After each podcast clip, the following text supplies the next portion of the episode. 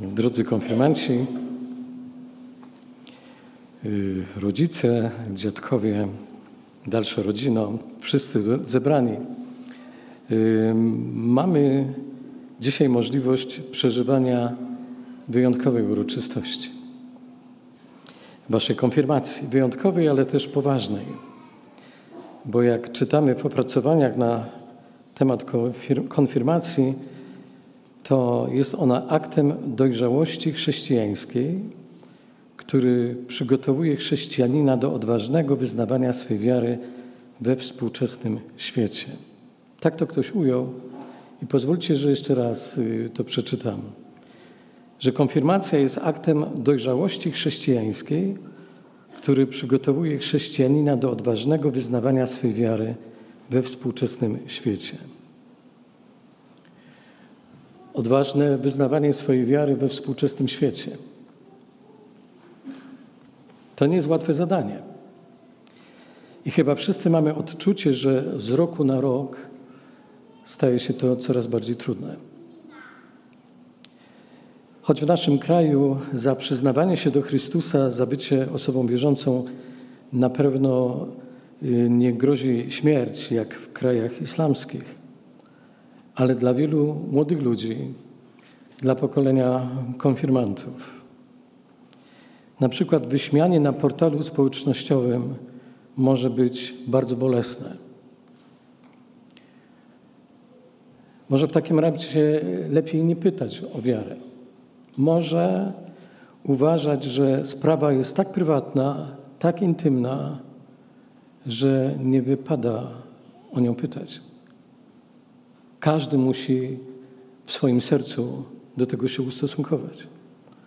Ale kochani, nasza wiara nie ma sensu, jeżeli z nią się nie dzielimy. Moja wiara, moja osobista relacja z Bogiem nie ma sensu, jeżeli to jest tylko moja tajemnica. Jeżeli to jest tylko pewna rzecz, którą zatrzymuję na siebie, dla siebie i z, się, z tym się nie dzielę. Jeśli o niej nie mówimy, a przede wszystkim jej nie okazujemy, jeśli nie wyznamy wprost, kim jest dla mnie Jezus Chrystus. I właśnie o to chodzi w dojrzałości chrześcijańskiej. O to chodzi w konfirmacji. Byście wy, nasi kochani konfirmanci, odpowiedzieli na pytanie, kim jest dla Ciebie Pan Jezus. Wszystko inne, prezenty, uroczysty obiad, spotkania rodzinne, kwiaty, to tylko otoczka. Miła, przyjemna, ale to jest tylko otoczka. Bo tak naprawdę liczy się tylko to, jak odpowiecie na pytanie, które postawiłem przed chwilą. Kim dla każdego z Was jest Pan Jezus? Zastanówmy się, jakbyśmy odpowiedzieli na to pytanie. Wiecie, dlaczego to pytanie jest bardzo ważne?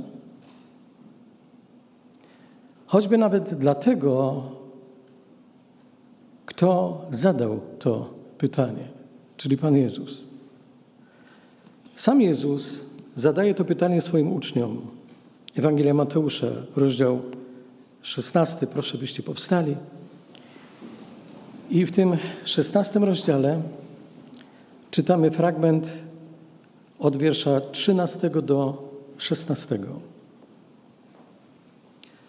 A gdy Jezus przyszedł w okolice Cezarei Filipowej, pytał uczniów swoich, mówiąc: Za kogo ludzie uważają syna człowieczego? A oni rzekli: Jedni za Jana Chrzciciela, inni za Eliasza, jeszcze inni za Jeremiasza albo za jednego z proroków. On im mówi: A wy, za kogo mnie uważacie? A odpowiadając, Szymon Piotr rzekł: Tyś jest Chrystus, syn Boga żywego. Panie Jezu, dziękujemy Ci, że każdy z nas będzie musiał albo już musiał zostać skonfrontowany z tym pytaniem, kim Ty jesteś dla nas. Panie, chcemy Cię prosić, nie tylko mając na myśli naszych konfirmantów, ale każdego z nas, abyśmy przeżywając tę uroczystość, tak naprawdę uzmysławiali sobie, kim jesteś dla nas. Kimś bardzo bliskim, kimś, o kim nie myślimy, kimś, bez którego nie potrafimy sobie wyobrazić swojego życia. I Panie, chcemy Cię prosić, abyś błogosławił i to słowo i nas wszystkich, jak tu jesteśmy. A modlę się o to przez Jezusa Chrystusa w mocy Świętego Ducha Ojcze. Amen. Usiądźcie.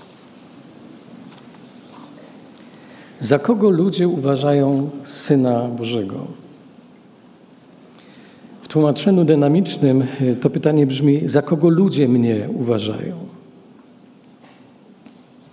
Rabini najczęściej nauczali w synagogach, ale nierzadko również zabierali swoich uczniów w podróże, szczególnie do Jerozolimy na najważniejsze święto żydowskie, święto Paschy i w trakcie drogi, korzystając z okazji, rozmawiali z nimi. Spróbujmy przymknąć na chwileczkę swoje oczy i wyobraźmy sobie taką scenę. Grupa kilkunastu mężczyzn, Jezus uczniami idących zakurzoną drogą w malowniczym krajobrazie Zielonej Galilei, pośród której wije się rzeka Jordan. Wtedy nie była ona tylko wąskim strumieniem jak dzisiaj, a po asfaltowych drogach nie jeździły autobusy z turystami czy pielgrzymami. Wydarzenie, o którym pisze Mateusz, czytamy o tym u Marka i Łukasza, ma miejsce w okolicach Cezarei Filipowej. Cezarea Filipowa, krótka tylko informacja, leży u góry Hermon, skąd bierze początek rzeka Jordan. Cezarea Filipowa jest oddalona gdzieś o 40 kilometrów na północny wschód od jeziora galilejskiego. I miasto to jest zbudowane przez króla Heroda Wielkiego. Herod Wielki, dla przypomnienia, to ten, który kazał wymordować wszystkich chłopców w Betlejem. A więc miasto to zostało wybudowane na początku Herod Wielki, a potem praktycznie całość pociągnął jego syn, tetrarcha Filip. Stąd nazwa Filipowa. I w, tej, tym mieście powstała świątynia poświęcona m.in. boskiemu cesarzowi Cezarowi. Miasto to również zwano Panas na cześć krwawego pogańskiego bożka Pana który na wzgórzu Wielkiej Grocie miał poświęconą sobie świątynię. I w tym pogańskim miejscu, krótko przed udaniem się do Jerozolimy na święto Paschy, Pan Jezus stawia to pytanie: Za kogo ludzie mnie uważają? Albo w innym tłumaczeniu, za kogo ludzie uważają Syna Człowieczego? Określenie Syn Człowieczy było jednym z określeń Syna Bożego, czyli Inaczej pyta Jezus, za kogo ludzie mnie uważają? Wyobraźcie sobie ten moment. Jezus stawia to pytanie. Jest chwila ciszy. Wiecie, w szkole jest tak, że jak chcecie, żeby był spokój, to zadajcie tego pytanie. To wtedy gwar umyka, u, u, nie ma czegoś takiego, jest cisza. I tak sobie wyobrażam. Jezus stawia pytanie, no i tak, kto się pierwszy odezwie? Kto ma odwagę? W końcu mówią, Panie, ludzie uważają Cię za Jana Chrzciciela, inni za Eliasza, jeszcze inni za Jeremiasza albo za jednego z proroków. Dużo tego w dodatku samych znaczących postaci. Według tradycji żydowskiej i pism starotestamentowych te postacie nawiązywały bezpośrednio do Mesjasza. Jeremiasz, ten prorok zwiastował nadejście pomazańca Bożego, czyli Mesjasza. Eliaszowi przypisywana była rola poprzednika Mesjasza w oparciu o proroka Malachiasza, gdzie czytamy w czwartym rozdziale Oto poślę wam Eliasza proroka, zanim nadejdzie ów wielki, straszny dzień Pana. Zresztą do dzisiaj Żydzi oczekują na powrót Eliasza jako tego, który ma poprzedzić bezpośrednio Mesjasza i obchodząc Paschę, Żydzi zostawiają przy stole jedno puste miejsce, właśnie dla, dla Eliasza. Żydzi wierzyli i dalej wierzą, że kiedy przyjdzie Eliasz, to już za nim bardzo w krótkim czasie zjawi się Mesjasz. I wreszcie Jan Chrzciciel. Trzecia postać, która została przywołana przez uczniów. Wydawał się taką właśnie osobą i niektórzy widzieli w jego działalności przygotowanie na ostateczne czasy. Czy to były dobre odpowiedzi? Te, które Jezus usłyszał od swoich uczniów? Czy rabi ich pochwalił za to, co powiedzieli? Jezus wzorem żydowskich rabinów ani nie pochwalił, ani nie zganił, ale zadał kolejne pytanie. Bo nauczyciele żydowscy właśnie tak zmuszają uczniów do myślenia, zadając stale pytania. A więc Jezus pyta ich, a wy, za kogo wy mnie uważacie? Teraz muszą odpowiedzieć bardzo osobiście. Jeżeli popatrzylibyśmy na relacje ewangelistów, to zwrócilibyśmy uwagę na to, że teraz już nie ma żadnego entuzjazmu. Bo to pytanie jest już w samej swojej formie bardzo konfrontujące i przez to zapewne dla wielu niezbyt wygodne. Bo tu już nie ma miejsca i czasu na opinie innych ludzi. Tu już nie ma miejsca na to, co inni mówią na ten temat. Jezus na początku pyta, za kogo ludzie mnie uważają. I bardzo często, jeżeli chcemy się ukryć za kimś, nie mając pewności, czy damy, właściwe z, damy właściwą opinię, nawiązujemy do tego, co ktoś inny myśli na ten temat. Ale teraz Jezus stawia bardzo konkretne pytanie: A wy? Nie interesuje mnie to, co inni mówią na temat mój, ale co wy myślicie na mój temat? Musieli odpowiedzieć. Jezu, dla mnie jesteś, no właśnie, kim? No właśnie, kim Jezus jest dla mnie, dla Ciebie, dla każdego z Was konfirmanci.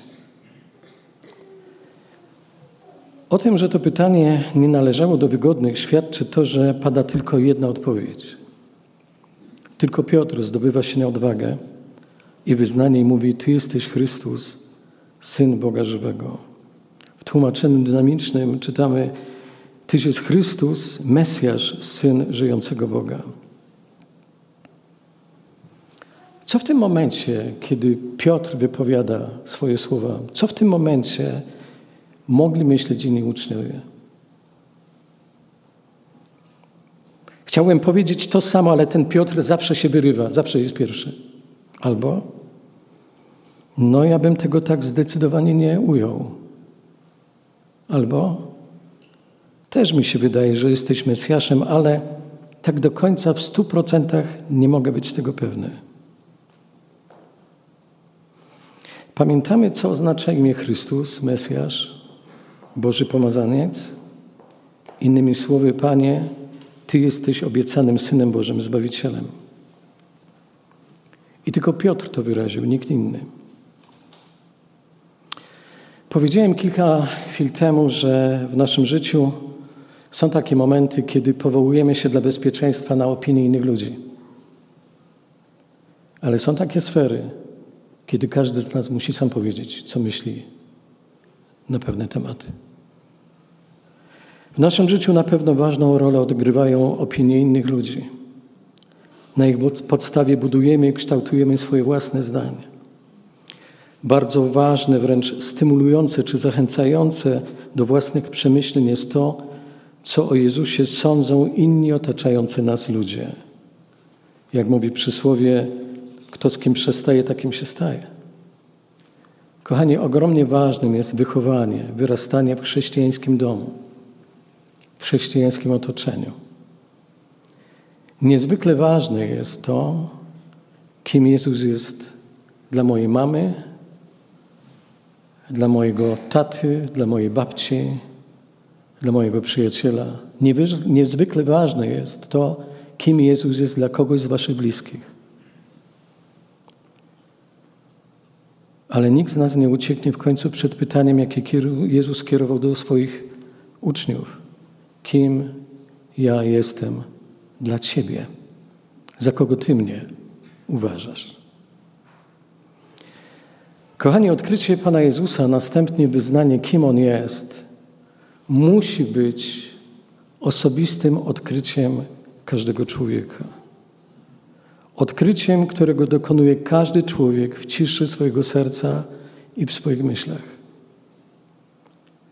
Nikt za nas tego nie zrobi. Nikt za nas tego nie wypowie.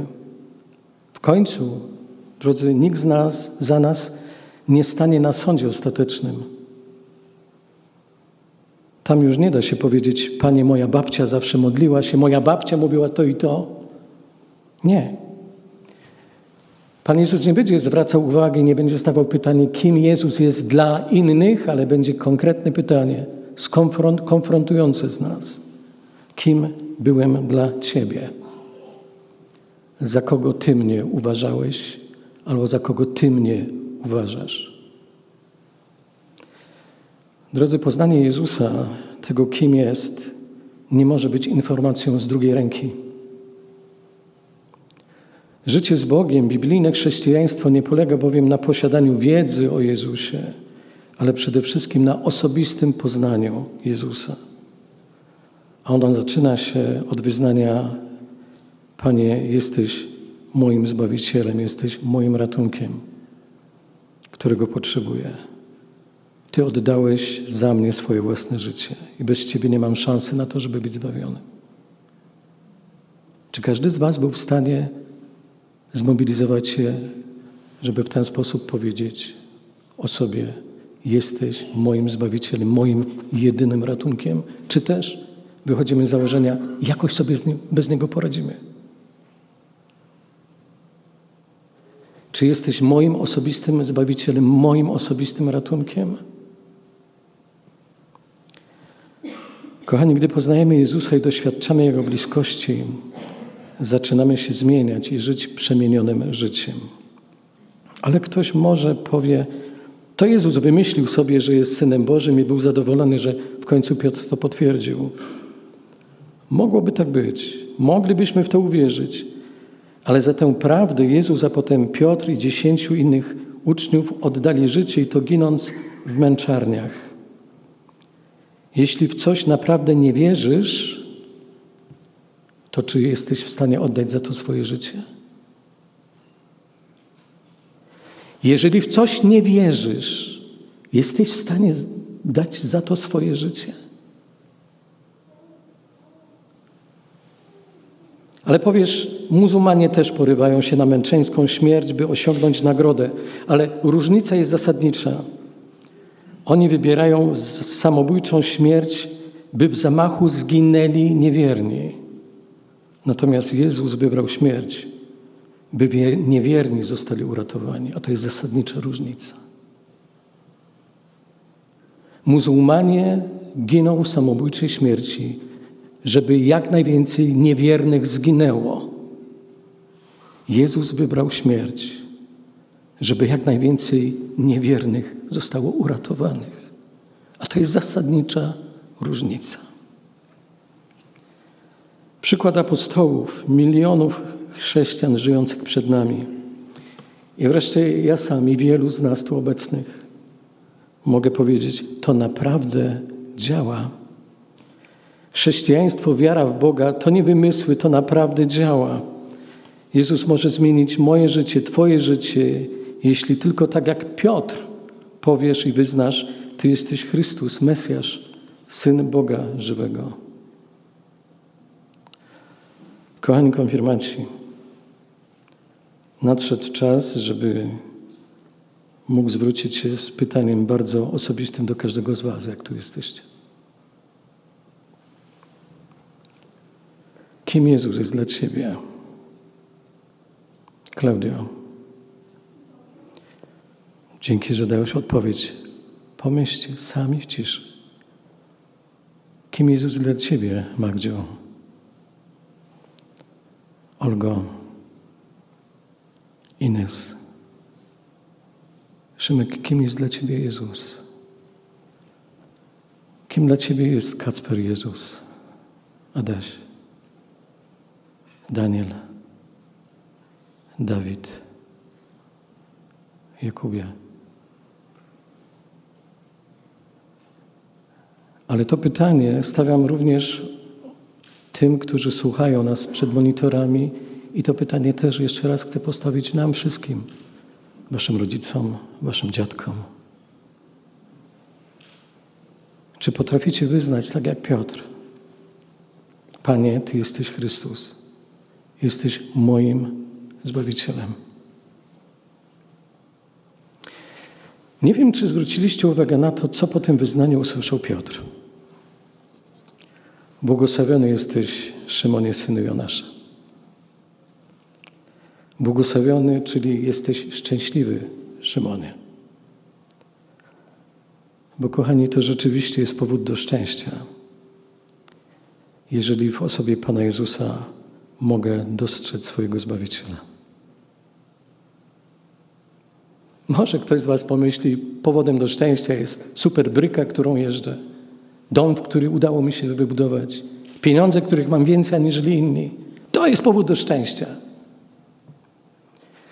To może być powód do tego, że żyje Ci się łatwiej, ale czy jesteś szczęśliwy jednocześnie? Tego już nie wiem. Bo powodem nie jest to, co masz, gdy chodzi o szczęście prawdziwe, ale powodem prawdziwego szczęścia jest to, kogo masz i kim dla Ciebie jest Jezus. Dlatego chcemy Wam życzyć, drodzy konfirmaci, w tym szczególnym dla Was dniu, aby każdy z Was był szczęśliwą osobą. Nie dlatego, że dzisiaj otrzymacie w prezentach to wszystko, na co czekaliście, albo co, aby podstawą Waszego szczęścia y, były jakieś inne rzeczy, ale rzeczywiście, żeby podstawą Waszego szczęścia było wyznanie: Panie, Ty jesteś moim Zbawicielem, któremu oddaję swoje życie i któremu chcę być wierny aż do końca. Zaręczam, zaręczam Wam, drodzy konfirmanci, że za kilkanaście lat nie będzie ważne, co dostaliście w prezencie. Nie będzie ważne, kto uczestniczył w uroczystym obiedzie, albo to, co podano wtedy na stole. Ale na, na całym Waszym życiu zaważy fakt, jak odpowiedzicie na pytanie: kim dla Ciebie jest Jezus Chrystus? Niech Was i każdego z nas Bóg błogosławi. Amen. Będziemy się modlić.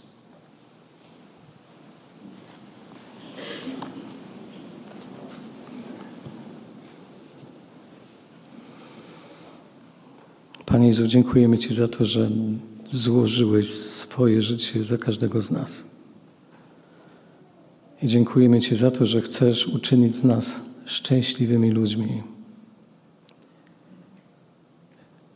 Mam świadomość, Panie, że nie zawsze mamy może ludzkie powody do tego, żeby czuć się szczęśliwi. Ale jeżeli jesteś naszym Panem i Zbawicielem, mamy Twoją własnością, to mimo, pomimo trudności doświadczeń możemy odczuwać wewnętrzny pokój, a przede wszystkim szczęście.